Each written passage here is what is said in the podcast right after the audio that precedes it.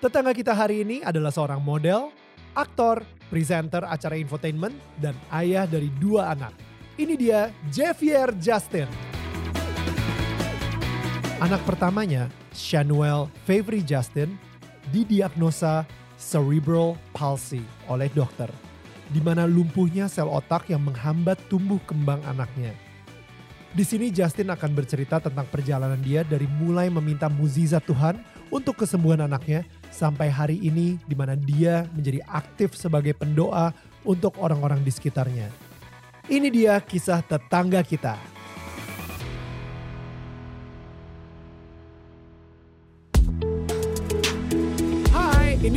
Daniel, tetangga kamu. Di sini gua akan ngobrol dengan tetangga gua tentang perjalanan hidup mereka dari kacamata spiritual di saat mereka mengalami situasi tidak pasti dan kekhawatiran sampai bisa kembali bangkit menjadi orang yang lebih kuat dari sebelumnya. It's gonna be very exclusive and inspiring.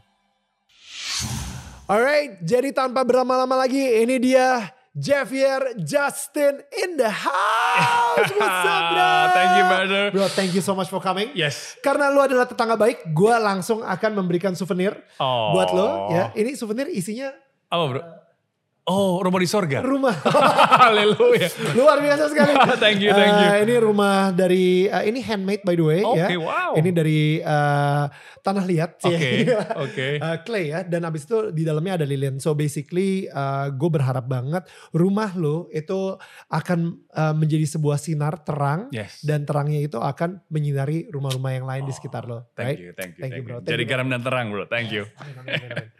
Bro, um, really gue gua Tiffany pasti lagi nonton Hmm. uh, dan gue yakin banget sih by the time dia nonton ini pun dia juga udah keluar dari isomannya. Amin, gitu kan, amin. negatif juga. Amin. Tapi yang pastinya kita terus mendoakan supaya keluarga Justin pun juga diberikan perlindungan juga that supernatural protection dan Amin. health. Um, you know untuk Tiffany juga gitu yang sekarang ini lagi nonton. But bro, Yes. um, Let's, gue, you know what, lucu banget sih sama sama Justin ini ya. Kayak I think we've known each other for quite a while, udah That's true. cukup lama. Benar, benar. Um, dan lu sendiri, kita kita sering ketemu uh, saat itu di mana? Di MNC ya, di zaman-zaman itu lu masih di MNC. MNC, kan? gue sih di kan? MNC. Dan abis itu kita sering ketemu dan Yes. gue ketemu lu lagi ketika lu udah ngembat salah satu finalis Indonesian Idol. That's true, that's true. right? Uh, you know, dan abis itu salah satu yang paling cantik lagi menurut gue gitu kan, you know, Praise well done, Lord, good ya. job. Yes. Gak salah pilih berarti bro. Gak salah pilih, right? Uh, dan abis itu um, kita juga kita juga sering ketemu di uh, beberapa acara juga. Yep. Um, dan yang lucunya adalah saat itu kira-kira berapa tahun yang lalu ya sama dua teman kita itu. Iya. Uh, berapa tahun yang lalu itu? Udah lama loh, I think. Empat tahun? Benar, ada lima empat tahun tahun. yang Yes, lalu, yes, yes. empat atau lima tahun yang lalu. That's true, yeah. Jadi ini menarik banget.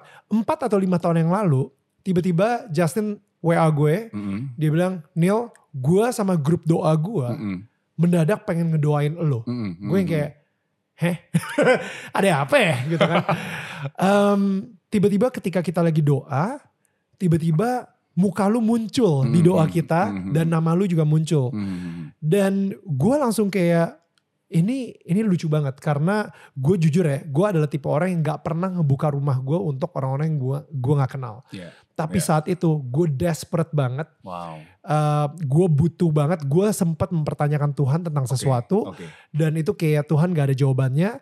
Dan dua teman kita itu datang ke rumah untuk ngedoain gue dan Yes, semua doa yang disebutkan itu benar-benar kayak bikin gue nangis banget. Yeah. Padahal gue nggak pernah nangis di depan orang yang gue kenal gitu kan. Um, dan pada saat yang bersamaan uh, muncullah kayak gue sendiri akhirnya bikin grup doa sendiri Hmm. dan akhirnya muncullah Daniel tetangga kamu Yeah. dan muncullah lu di sini, Yes, you yes. know, like muncullah orang-orang yang sudah terberkati Benar. dengan acara kita, Iya, iya, you know, iya, like iya.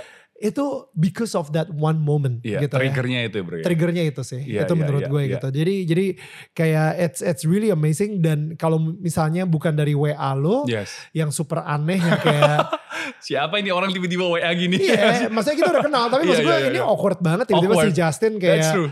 It's so awkward man. It's It's, so weird. Dan pas gue WhatsApp lu juga, men kayaknya gue akan di blok abis ini.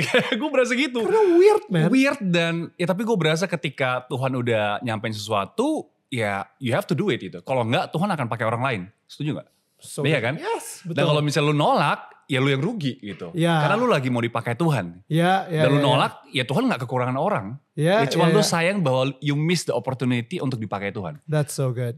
Nah, gue pengen tahu sedikit nih origin story-nya Yeah. Javier Justin gitu ya. Dari lu, um, you know, lu lahir sampai akhirnya lu jadi uh, selesai kuliah, habis itu ngambil Yeah. hukum, uh, jadi lawyer, habis itu tiba-tiba masuk ke dunia entertainment, jadi host, habis itu sekarang jadi host untuk acara gosip gitu kan.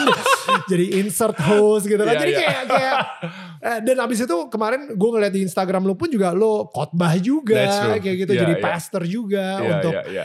wow uh, bro tell me about your life like you know origin Iya, iya. story-nya aja Origin gitu. story, oke. Jadi nama gue tuh mungkin banyak orang yang nggak tahu, banyak orang yang cuma tahu Justin gitu, Hmm. atau mungkin Javier, mereka panggil panggilnya Jeffrey atau apa, Hmm. makanya kadang disingkat Jeju gitu, nama kerennya Oh. biar kayak opa gitu.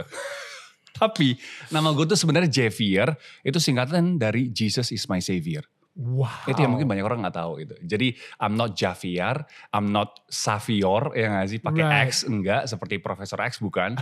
gue ini Javier, artinya Oke. Jesus is my savior gitu. Oke. Jadi nama gue itu dan awalnya berarti dari itu bokap nyokap sendiri emang udah deket banget sama Tuhan enggak, justru sebenarnya enggak. oke Bokap gue itu eh, nyembah berhala gitu Oh. ya.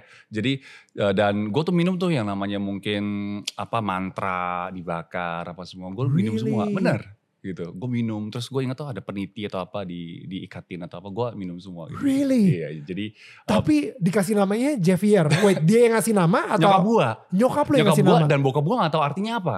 Oh gitu. wow. Jadi terselubung gitu. Nyokap gue Oh. udah udah menjadi tiang doa ketika itu. Jadi dia berdoa terus dan dia pengen agar anaknya one day itu terima Tuhan. Tapi how? Gimana caranya? Orang Right. gue kan keras banget gitu. ya He's a family man tapi keras ya ya gitu. Jadi ya udahlah mungkin nggak bisa dibantah gitu kan. Jadi nyokap gue cuman uh, selipin nama. Jadi gue ada ini ada gue dan adik gue. Gue Javier, adik gue Jasfit. Jesus is our victory. uh Gitu. Oke. Dalam gak bro? Jadi Iya. sekarang gue bingung anak gue gue mau namain siapa biar biar gak kalah keren. Betul gak bro? Eh, oke Iya. ya Jadi akhirnya nama anak gue nama tengahnya Jader. Bu- bukan bukan Jedar bro ya, Jader. Jesus is our provider. Oh, jeder gitu, Jeder. pro- provider gitu Provider. ya. Oh, iya, iya, iya. Iya, iya, bukan jedar. Oke, oke, Bukan bisa, bisa, bisa. Ya, Oke. Jadi dari sana terus kemudian gue sebenarnya awal kenal Tuhan itu dari gue SMP sebenarnya gitu. Bokap SMP. lu sendiri saat itu masih, Ba- baru mulai, baru mulai ke gereja. Oke. Baru mulai ke rumah Tuhan dan dia dari yang ya Cina Toto banget lah bro. Ya. Cina Medan men, gue Cina, Oke. Cina Medan, lo tau dong well, Cina welcome Medan. to the hood. This is Iya, your hood right now. This is know? my hood, gitu.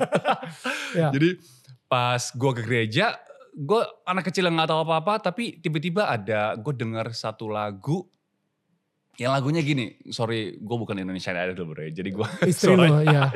Kalau misalnya ada Tiffany dia yang nyanyi. dia yang ya. nyanyi gitu, Ah. kalau gue mungkin nadanya gue gak tahu nada Gak apa. apa-apa, gak apa-apa. Yang lagunya cuma berulang-ulang kali dan katanya cuma satu, Haleluya.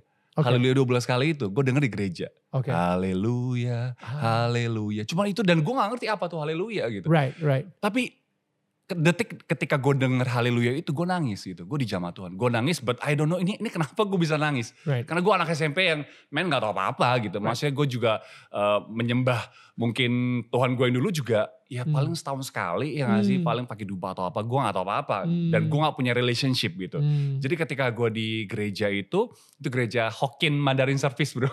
Lu bayangin, Wow. udah Hokkien Mandarin Service lagi. Hmm. Dia nyanyi lagu itu, gue nangis, gue dijamah Tuhan gitu. Hmm. Tapi ya seperti Karena- manusia pada umumnya. Haleluya dalam bahasa Hokkien juga haleluya. Haleluya mungkin itu.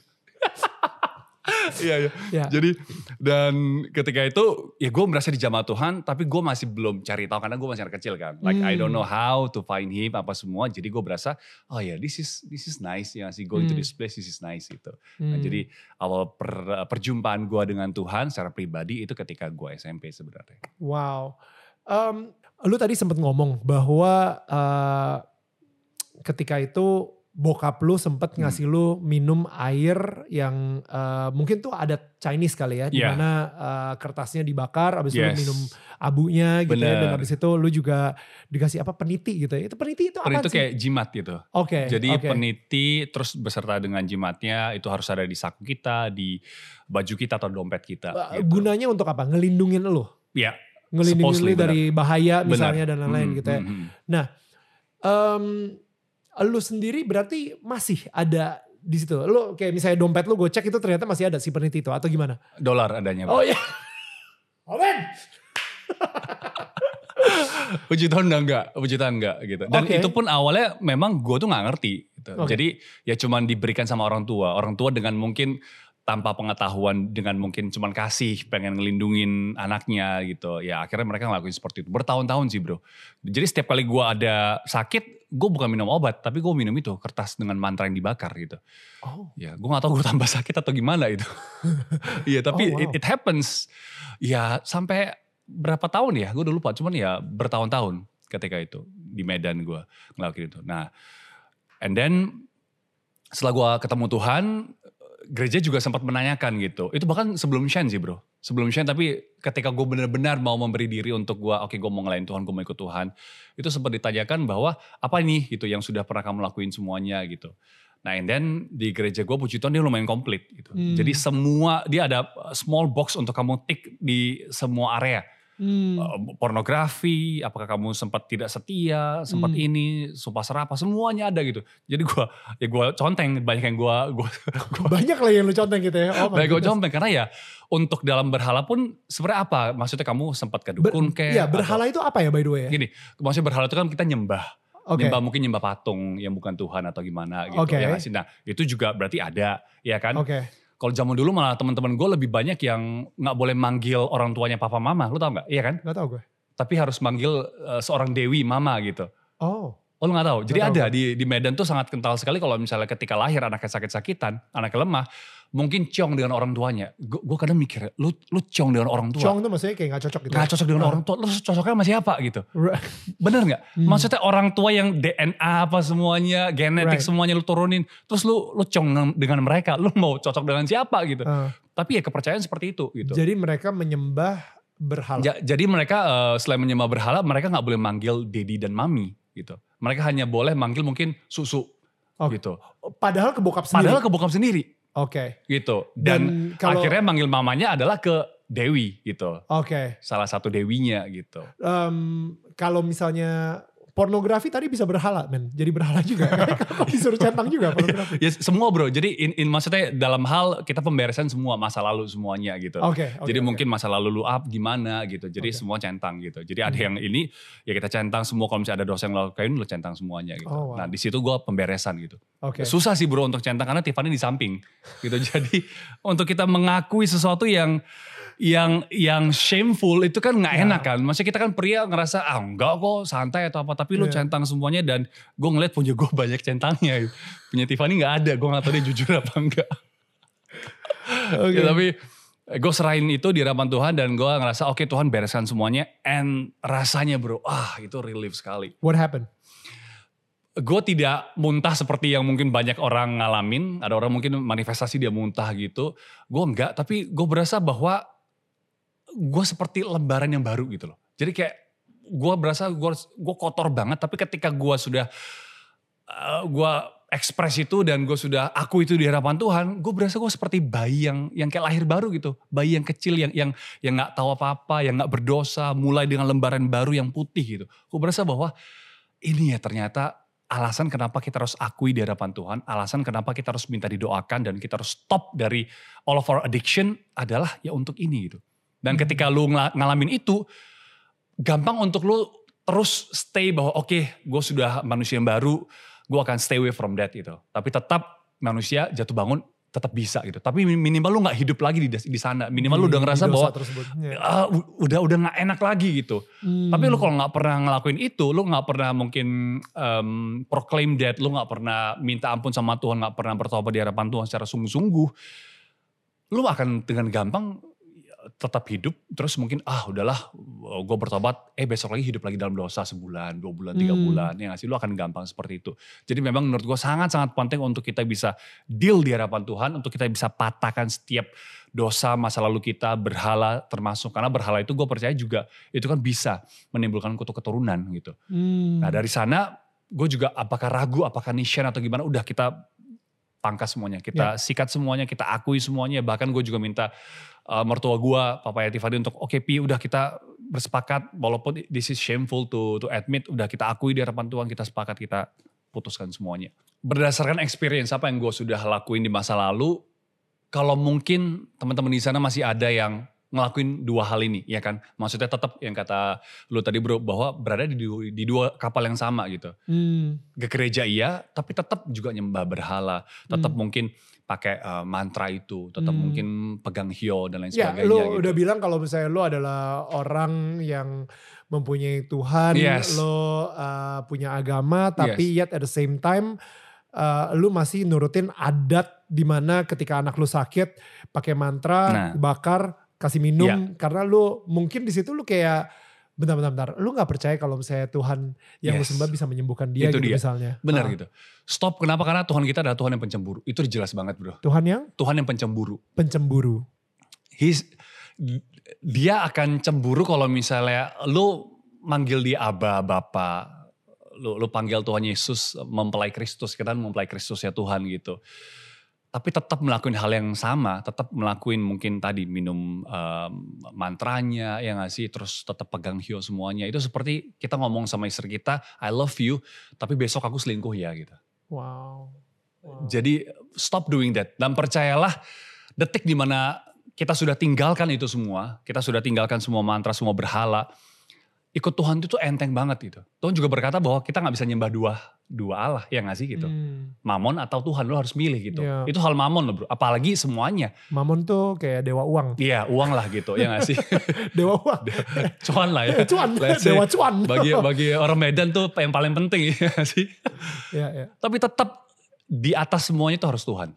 Hmm. Lu harus uh, utamakan Tuhan dan ketika lu sudah utamakan Tuhan, ya firmannya juga berkata semua akan ditambahkan. Tapi yang gua rasain di sini adalah setelah gua lepas dari itu semuanya, itu gue jadi nggak ada ini loh bro, nggak ada nggak berasa di dihakimi gitu. Lu, lu pasti gini deh, ketika lu minta kesembuhan sama Tuhan, tapi lu masih minum uh, mantra masih apa, lu ketika doa lu pasti nggak akan berani beriman. Hmm. Oh lu masih ngelakuin itu, Hmm. tapi ketika lu sudah stop, lu, lu berani dengan Tuhan. Aku yakin Tuhan pasti ikut campur. Aku yakin Tuhan pasti lindungi. Lu bisa beriman gitu. Hmm. Tapi hati kecil lu pasti nggak bisa beriman ketika lu masih hidup di kehidupan yang lama. Pasti. Lu ngerasa kayak, ah gue mau beriman, eh, tapi gue masih ngelakuin itu. Aduh, Hmm. pasti nggak enak gitu. That's why menurut gue, ya Tuhan tetap dengar sih. Tapi Hmm. lu sendiri udah, sebelum perang lu udah kalah duluan. wow. Sebelum perang lu udah jiper dulu, lu udah kayak, Ya. "Ah, menang gak ya gitu. Sedangkan yang lu yang lu yakin menang aja kadang bisa kalah ya gak sih? Ya. Apalagi yang lu gak yakin gitu. Bukan dalam arti Tuhan kita kalah, enggak. Tapi setiap kali kita doa apa aja, ya sometimes Tuhan jawab sesuai dengan keinginan dia kan Ya, gitu. ya, Tepat pada waktunya gitu. ya. Apalagi ketika lu ragu. That's good. Um, bokap lu sendiri akhirnya gimana setelah setelah uh, ke gereja gitu misalnya? hmm. Apakah dia sendiri masih melakukan ritual-ritual yang dulu dia lakukan? Masih. Oke. Jadi bokap gua itu masih bahkan sampai hampir akhir hayatnya dia baru benar-benar bertobat.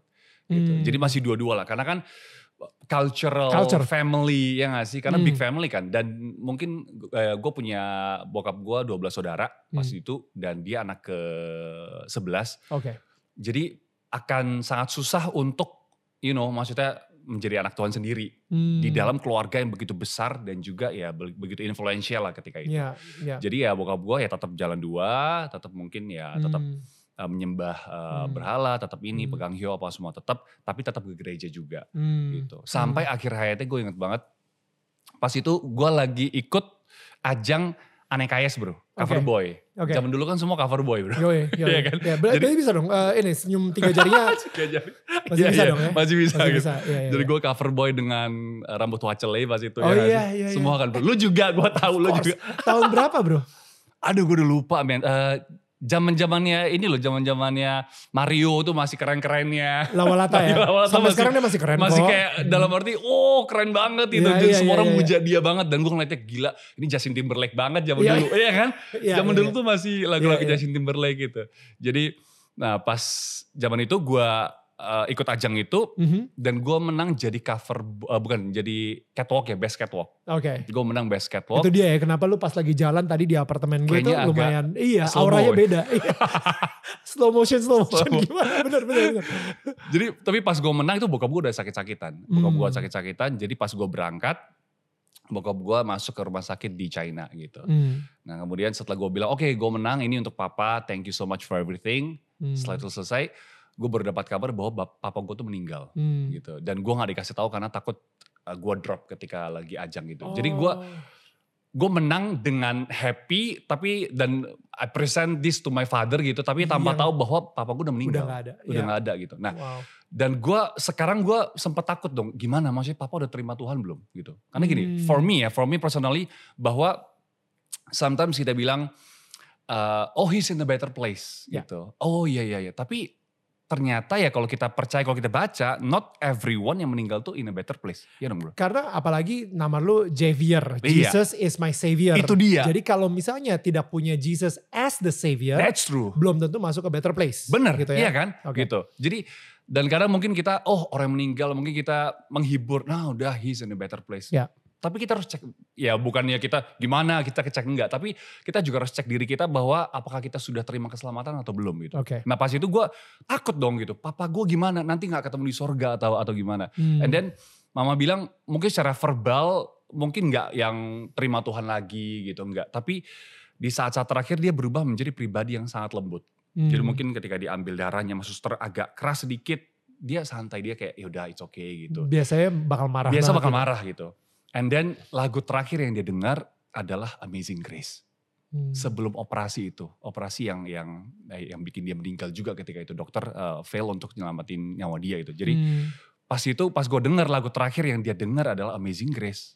I have peace in my heart and I know that oke, papa gue udah selamat gitu. Hmm. Karena lagu Amazing Grace man, Ya. itu udah literally bahwa ya itu keselamatan. Ya. Ya gak sih? Bahwa kita lost tapi kita found. Kita Hmm. dulu buta tapi sekarang kita melihat. That's Hmm. Amazing Grace. Hmm. Dan itu yang selalu gue pegang bahwa gila ikut Tuhan tuh enak banget men. Hmm. That's, it is Amazing Grace gitu. Bahwa kita dalam sehari mungkin kita nggak tahu kita berdosa apa, kita ngel- ngelakuin apa. Tapi setiap malam kita berdoa Tuhan sorry kalau aku tadi ini. Dan Amazing Grace. Lu dapat grace tersebut. Ada dapat grace lagi. Oke, jadi di aneka yes itu sebenarnya lu masih mungkin relationship lu sama Tuhan belum sedekat sekarang ini dong. Sama obviously. sekali enggak? Oke. Belum bro. oke. Jadi ini ketika lu sekarang lu mikir-mikir dan lu look back lah ya. Yes, I Ah. look back gitu. Ah.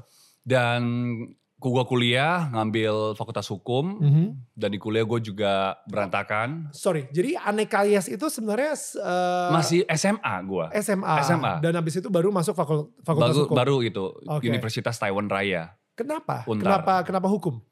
Taiwan Raya. Gue baru ngerti sekarang. Iya. Gue pikir, oh ada ya Universitas Taiwan Raya. iya iya. Untar. Untar, bro. Iya, iya, iya, iya iya. iya. Oke. Kenapa hukum? Karena bokap gua pengacara. Oke. Jadi papa gua uh, a very respected lawyer di Medan pas itu. Jadi gua look up to him dan ah I wanna be like him gitu. Hmm. Jadi gua masuk ini fakultas hukum. Lulus tuh ya? Lulus puji Tuhan bro. Walaupun Wow. lima tahun. Wow. Iya, lima Oke. tahun. Tapi gue gue pas awal-awal tahun pertama IPK gue nggak nyampe satu bro. Hmm. Jadi gue berasa ah gue jangan-jangan gue idiot atau gimana. Gue pernah ngerasa gitu loh. Gue bisa Hmm. belajar nih gitu. Itu juga ada mukjizat Tuhan men. Itu gue berasa aduh gue nggak bisa nih. Ya. Gue kayak drop out nih. Tapi suatu hari gue langsung merasa oke Tuhan gue minta gue gak pernah gue nggak pernah minta kan gue gak pernah Hmm. doa bro pas itu Iya. pun gitu gue Iya. gak pernah doa dan Kecuali minta pas lagi kepepet. kepepet Iya, gitu iya. dan pas itu udah, udah mulai kepepet gitu Oke. kan uang jajan udah mau di stop sama nyokap pas itu Iya kan Iya, iya. dan gue bilang Tuhan help me help me Ya. God gitu dan bukan cuma itu gue juga oke gue mau berubah gue mau belajar gue coba eh ternyata gue bisa bro Wow. gitu dan dari situ gue mulai ngerti bahwa ternyata kalau kita benar-benar doa tuh Ya. Tuhan jawab ya gue bisa belajar Jadi gue bisa, idiot jadi gitu. jadi bisa nyerap gitu bisa maksudnya. nyerap gitu Oh wow. dan gue sempat ya ini ini hal receh ya Ya. sempat dibagikan nilai oh Justin dapat 6 oh gue happy banget rupanya kebalik bro itu 9 bayangin segua men yang IPK-nya men nggak nggak sampai satu Right. Itu gue udah lupa pelajaran apa. Tapi yang dari enam aja gue udah happy banget men. Iya. Orang-orang gila men, lu dapat enam, lu nyontek mana? Eh. Gue balik sembilan bro. You know, dari jadi dari situ gue udah belajar bahwa ternyata Tuhan itu ya bisa bantu kita asal kita juga mau dibantu ya. Ya, asal ya, kita ya. juga ngelakuin. Ya. Jangan lu minta tolong sama Tuhan habis itu lu ngongkong-ngongkong kaki ya nggak Oh, mungkin bro. Ini menarik sih. Jadi ketika lu berdoa, Iya, tapi pada saat yang bersamaan lu juga belajar. gue juga Dan belajar. ketika lu belajar, mendadak itu jadi lebih mudah dan lu nyerap gitu. Bener, bener. Padahal kalau misalnya kadang-kadang nih ya kita minta mukjizat sama Iya. Tuhan.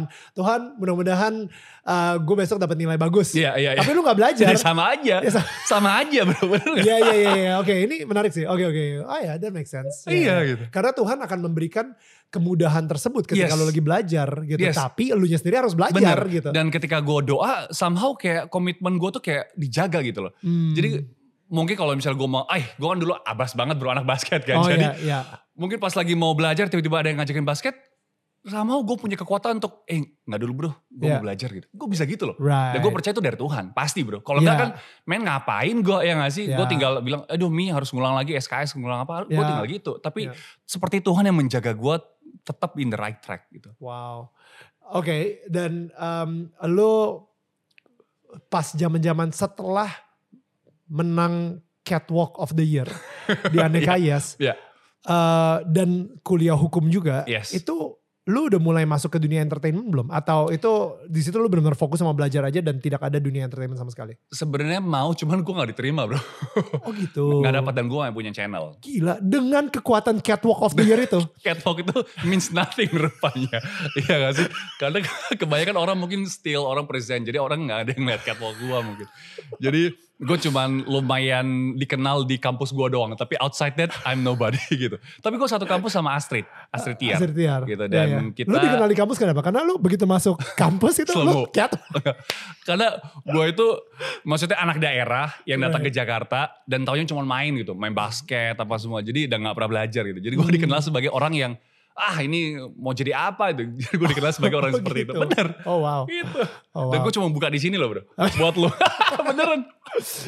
Oke oke, that's uh, setelah kuliah hukum kelar, Hmm. udah mulai apa masuk uh, magang di kantor pengacara kalau nggak salah. Magang sempat setahun. Setahun tuh ya. Setahun gue magang gue dibayar pakai dolar. Pas Wow. itu. Bener. Zaman itu dibayar pakai dolar tuh 5 ribu. Eh, 5 juta lah kira-kira. Oh, Gitu, 500 5 juta. dolar lah 500 gitu ya. dolar lah. Gue Ah. hampir bilang 5 ribu dolar. Lima puluh juta. iya, iya. Jadi oh, wow. gue di baris situ cuman pas itu gue merasa bahwa gue kurang puas bro pas setahun di law firm gue merasa gue kurang puas karena gue merasa bahwa ini kayaknya gue pengen jadi impact yang lebih besar nah di situ gue doa lagi Oke gue tuh doanya pas itu jarang-jarang bro bener oke. walaupun gue udah ngalamin kebaikan Tuhan tapi gue masih doanya jarang-jarang Hmm. nah pas di law firm itu gue berasa kayaknya gue pengen I, I want more gitu I want to Hmm. achieve more gitu Hmm. Nah gue minta sama Tuhan, Tuhan aku tahu bahwa setiap manusia pasti diciptakan dan gue pas itu udah mulai sedikit baca lah, sedikit Hmm. tahu lah firman Tuhan gitu. Hmm. Sedikit tahu karena dari sekolah minggu gitu. Hmm. Gue tahu bahwa kan talenta tuh ya Tuhan kasih pasti beberapa gitu. Hmm. Pasti Tuhan kasih aku beberapa talenta. Oke hukum aku udah bisa. Hmm. Next mungkin aku pengen dong coba terjun di dunia entertainment gitu. Hmm. Hmm. Pengen coba seperti itu. And then Tuhan jawab. Pas itu Tuhan jawab, gue itu attend di eh, salah satu inilah yang dia birthday tapi dia yang punya eh, salah satu TV station gitu. Oke. Nah, and then gue masuk sana, and gue disuruh casting Hmm. besoknya gitu. Gue casting dapat puji Tuhan. Wait, jadi lu datang sebagai tamu aja Sebagai tamu, ya? gue gak kenal. Oke, uh, Gitu. tapi kebetulan dia emang punya Yes, stasiun TV gitu. gitu. Lu kok bisa diundang di situ? Temen gue gitu.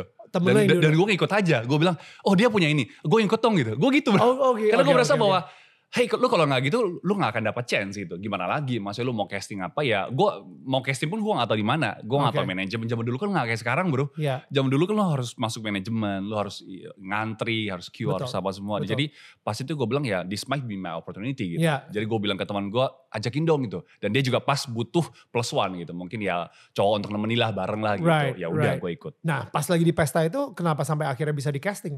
Maksudnya di pesta itu lu kayak you know, kayak Catwalk. lu masuk ke pestanya slow motion gitu sampai akhirnya diperhatiin sama casting directornya atau gimana? Enggak, jadi eh, dan mungkin dikenalin dan dia ngeliat eh, lu, lu kerja apa? Gue bilang lawyer gitu. Eh maksudnya ya kita lagi perlu presenter sih gitu. Pas Hmm. itu di eh, bukan bukan gue yang VJ yang channel bro pas Oh, iya, itu iya. ya kasih dan dia bilang eh coba aja casting gitu Ya. ya udah gue coba casting gitu jadi sebenarnya pas itu pun gue gue juga malu memperkenalkan diri gue kan jadi gue cuma eh hey, hai gue Justin gitu terus dia Hmm. ngeliat gue ya coba aja gitu and then gue coba ya puji Tuhan dapat Hmm, Gitu. Oke oke oke. Oke, ya di situ kayaknya gue sempet ngeliat lu tuh ya eh, di MNC Music Channel. iya benar si music channel Ke- Kesebut pengen, deh. pengen jadi VJ MTV dapetnya MNC Music Channel bro Still good, you know. Um, nah dari MNC Music Channel and then what happened? and then di di sana gue ketemu dengan Tiffany Oke. Gitu. di sana gue ketemu dengan Tiffany Tiffany itu kan sebenarnya senior gue hitungannya Hmm. senior gue di yang tadi channel tadi gitu dia senior gue tapi dia sudah out gitu Hmm. jadi cerita gue bisa ketemu dia eh, lu tahu bahwa TV kita kan lumayan sering ini ya playback yang dulu gitu ya yang ngasih jadi gue sempat ngeliat juga dia ada di TV gitu tapi memang dia udah nggak di sana lagi gitu dia udah Hmm. pindah gitu terus gue bilang aduh gue pengen kenal sama ini cewek ini cewek cantik banget Hmm. dan jujur gue ngeliat dari fisik dong awalnya Hmm. ya kan kan gue gak kenal gue Hmm. ngeliat ini Tiffany cantik banget gue pengen kenalan dong akhirnya gue gue minta nomor telepon Tiffany sama produser gue ketika itu Hmm. gue minta dapat gue kontak rupanya dia masih punya pacar Hmm. dia masih punya pacar ya gue mundur gitu Hmm. karena gue punya prinsip gue nggak akan ya rebut pacar orang. rebut Nikung. pacar Ya, orang ya, ya. gue nggak akan nikung gitu. Oke. walaupun ceweknya mau gue nggak akan nikung Oh iya, wow, wow. Ya, ya. dan pas itu pun sebenarnya gue gue juga udah lumayan mencoba sih bro Tiffany yang nggak mau jadi kayak prinsip tadi gue gue batalkan juga gitu tapi gue gue dalam arti bukan yang ngejar apa gimana gue cuma bilang oh gitu ya mau nggak kapan-kapan jalan dia nggak mau dia benar-benar Oh, bilang I have a boyfriend man gitu Wow. pas itu jadi ya udah gue langsung back off dan pas itu gue juga ngelihat dan gue ngebandingin bro ah kayaknya gantengan gue nih Right. gue ngebandingin nih Iya, kok dia bisa ya setia gila gue Itu- finalis Aneka Yes, man. Iya loh, gue catwalk loh men. Catwalk of the year, man. Kok dia bisa mau sama cowok seperti itu? Pas gitu gue gue mikir, ini ini berarti wife material gitu. Wah. Karena gila. gue mencoba untuk ya mungkin godain dia pas dia lagi punya pacar, dan dia bilang enggak, gue punya pacar gitu. Wow. Ya udah gue tungguin, Oh, gue wow. tungguin sampai, Sampai ada tuh oh, sampai dia putus. Iya, iya. Setengah tahun setahun, ini gue deketin lagi, ya dia mau jadi pacaran, puji Tuhan menikah sampai sekarang. Wow. Jadi gue gue punya prinsip kalau misalnya gue godain dia ketika dia punya pacar dia nggak mau, nanti one day pun ada orang godain dia, dia juga nggak akan mau. Gitu. Wow. Karena dia sudah berprinsip itu. Ya, Maka itu yang ya, bikin ya. gue kayak gue yakin sama Tiffany. Wow. Oke, dan sekarang ini lo aktif di host insert ya? Insert. Ya, acara acara gosip ya itu ya? Ma- masih acara gosip itu? Iya iya. iya. Itu sebenarnya bukan gosip bro, itu infotainment. Bener gak bro? Bener ya? Iya kan? Infotainment. Jadi Infotainment. uh, apa uh, informasi Nah, tentang entertainment. Iya, Iya. memberikan informasi seputar selebriti. Cuman disampaikannya dengan julid. Nah itu kan gini bro, jadi julid itu kan sebenarnya kita dikasih kebebasan. Oke. sama produser karena nggak boleh semuanya julid juga kan. Hmm. Karena semuanya julid juga ya mungkin mereka sih seneng aja tapi kita dikasih kebebasan untuk karakter lo apa gitu. Hmm. Dan gue udah dari awal gue udah bilang bahwa karakter gue tuh memang ya ya bukan julid cuman mungkin kayak lo mungkin sarkastik sedikit ya kan. Ya. Lo mungkin banyak kali sarkastik. Bukan sedikit sih, banyak, banyak banget gue Oh, sarkastik. sarkasm lo ya kan. Kalau gue gue bilang gue akan coba ngupas dari sisi yang berbeda. Oke.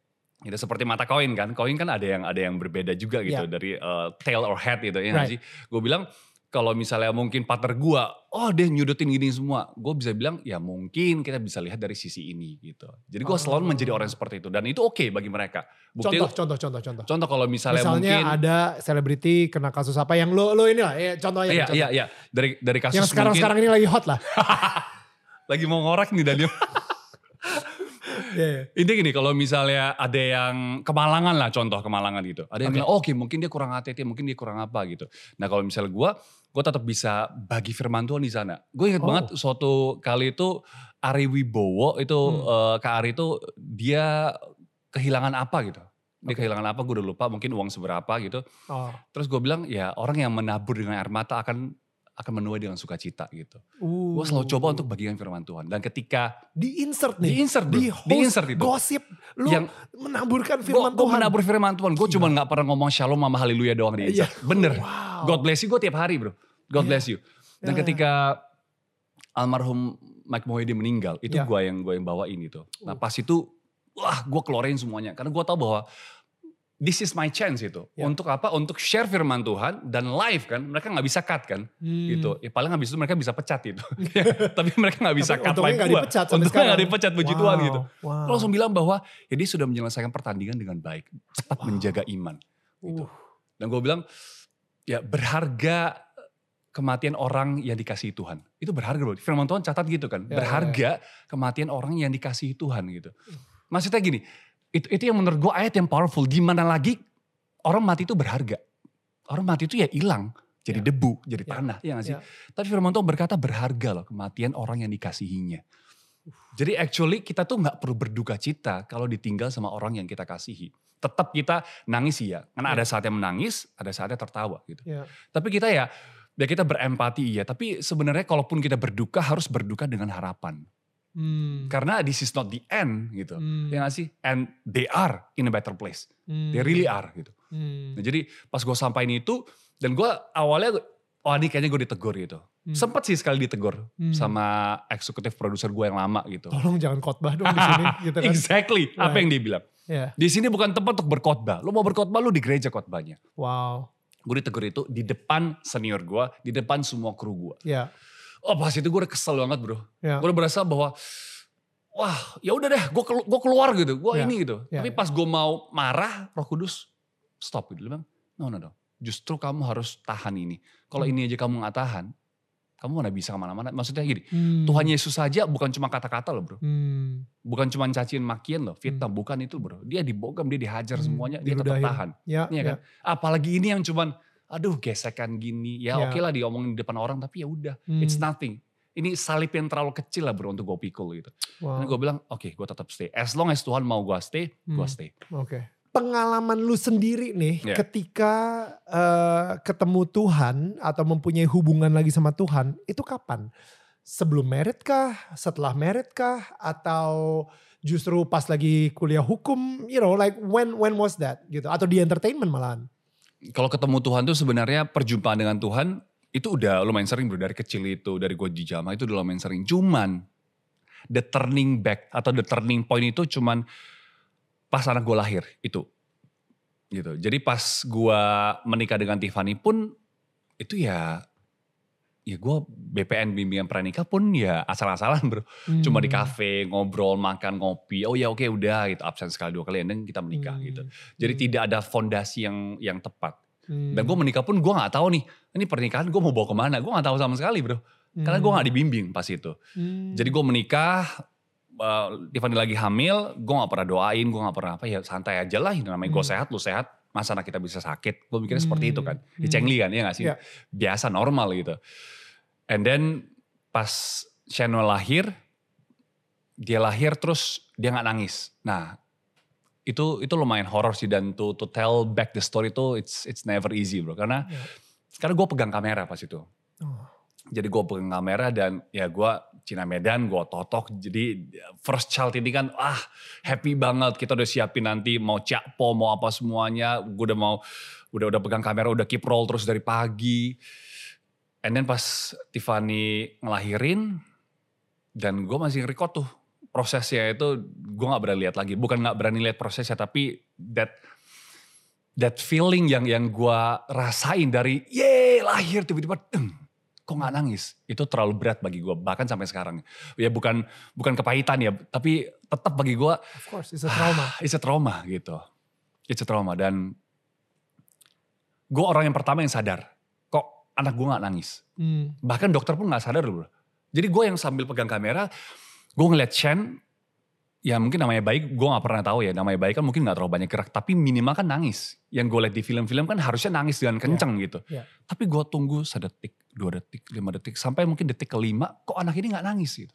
Terus gue langsung bilang ada terekam di kamera dok kok anak saya nggak nangis?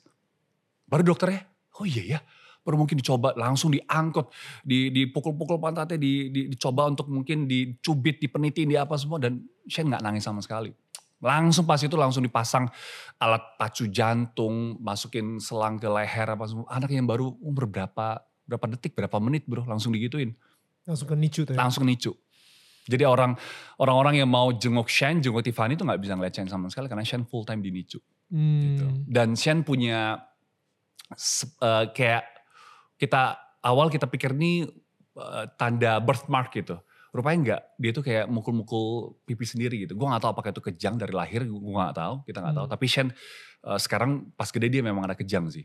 Jadi Hmm. dia nggak bisa tidur sampai harus dikasih obat tidur sama Hmm. dokter gitu. Bayi yang Hmm. umur sehari gitu, Hmm. dikasih obat tidur. Jadi pas itu gue berasa, men ini kenapa gitu. Tiba-tiba kayak dunia lo tuh kebalik gitu, Hmm. terguncang gitu. Iya gak sih? Karena gue gak prepare untuk ini. Ya. Tiba-tiba keguncang dan malam itu ketika Shandy Nicu dan uh, gue di, di ruang bersama dengan Tiffany, gue berlutut ketika itu. Gue berlutut, uh, gue gak tahu lagi gue udah capek banget, gue belum tidur, Tiffany juga capek banget. Dan gue berlutut dan gue bilang, sayang kita doa. Gitu. Gue gak tahu gue dapat kekuatan dari mana, gak tahu dapat ide dari mana untuk doa. Dan gue pegang tangan Tiffany, gue bilang kita doa gitu. Tiffany saat itu hubungannya dengan Tuhan seperti apa? Sama kayak gue, Oke. sama kayak gue. Jadi we are both clueless gitu. Hmm. Dan gue denger lagu NDC yang judulnya Kuasamu Terlalu Besar. gitu. Dan gue putar itu terus bro, gue putar Hmm. itu terus dan setiap kali gue melangkah, karena Tiffany kan belum belum bisa ngeliat anak kan. Jadi Hmm. setiap kali kalau gue misalnya gue mau ngeliat anak, gue yang videoin, gue yang laporan ke Tiffany, gue selalu play lagu itu karena ah, bagi gue tuh ya berat ben gitu. Ya nggak sih bagi gue berat dan masa sih ini terjadi? Gue masih denial gitu. Sampai Ya. sekarang gue masih sampai pas itu, pas itu gue masih denial dan gue berasa masa isi ya yang terjadi gitu. Gue play lagu itu dan gue doa sama Tuhan. Gue pegang tangan Tiffany, gue pimpin doa sebagai kepala keluarga. Pas itu gue nggak tahu kenapa gue tiba-tiba, oke lah kalau nggak gue mungkin ya siapa lagi. Gue pegang tangan Tiffany, tangan Tiffany gue doa, gue bilang Tuhan, please sembuhkan Shanuel. Hmm. Dokter udah nggak ngerti ini terjadi apa, dokter nggak tahu simptomnya seperti apa, triggernya apa, ini penyakit apa, dokter nggak tahu ketika itu dokter nggak tahu sama sekali. Gue bilang, cuma Tuhan yang tahu, Hmm. cuma Tuhan yang bisa sembuhkan Shen. Kita doa. Doa pertama kali sebagai keluarga adalah ketika Shen lahir. Wow. Wow. And six years later, Ya, right? Ini udah udah enam tahun ya. ini udah enam tahun, ini Ya. udah enam tahun dan Shen divonis dokter cerebral palsy. Oke. gitu bro, cerebral palsy. Itu kita ketahuinya pas Shen itu umur hampir setahun. Kita kita ini kita MM, eh, MMR kita cek semuanya dan Shen diketahui mengidap ya cerebral palsy gitu. Hmm.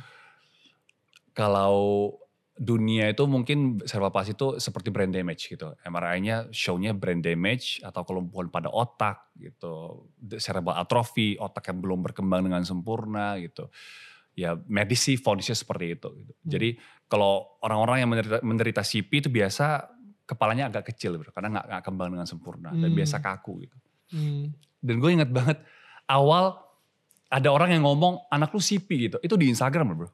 Jadi kita cuma ngerasa apa ya, apa yang salah dengan Shen ya. Awalnya kita cuma ngerasa gitu, kok kok Shen nggak berkembang seperti anak pada umumnya gitu.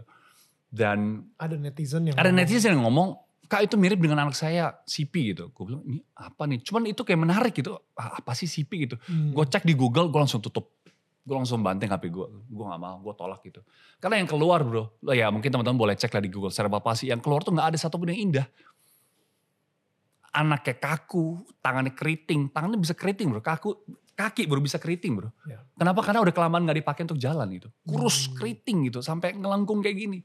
Gue bilang, no no no, gue, gue tolak. No, gue bilang, anak gue tuh cantik. Anak gue sehat kok gitu. Denial. Gitu. Ya. Tapi udah kita di set tuh kita akan cek ke dokter dan cek ke dokter hasilnya iya Hmm. cerebral palsy. Oh pas itu gue ya itu sering-sering yang gue share juga ke mana-mana gue nanya kepada dokter gitu, oke cerebral palsy, gue gak tahu kan cerebral palsy itu apa, in detail sih gue gak tahu. Gue bilang, dok gimana, anak saya masih bisa kuliah gak gitu. Jadi ketawa, dia bilang bisa ke toilet sendiri aja, bapak udah harusnya berterima kasih gitu. Dan itu yang Shane langsung ditutupi telinganya sama Tiffany, dia langsung tolak gitu. Dia nyanyi, dia bilang, enggak, enggak, enggak, dalam nama Yesus Shane pasti bisa jalan, pasti bisa sembuh gitu. Hmm.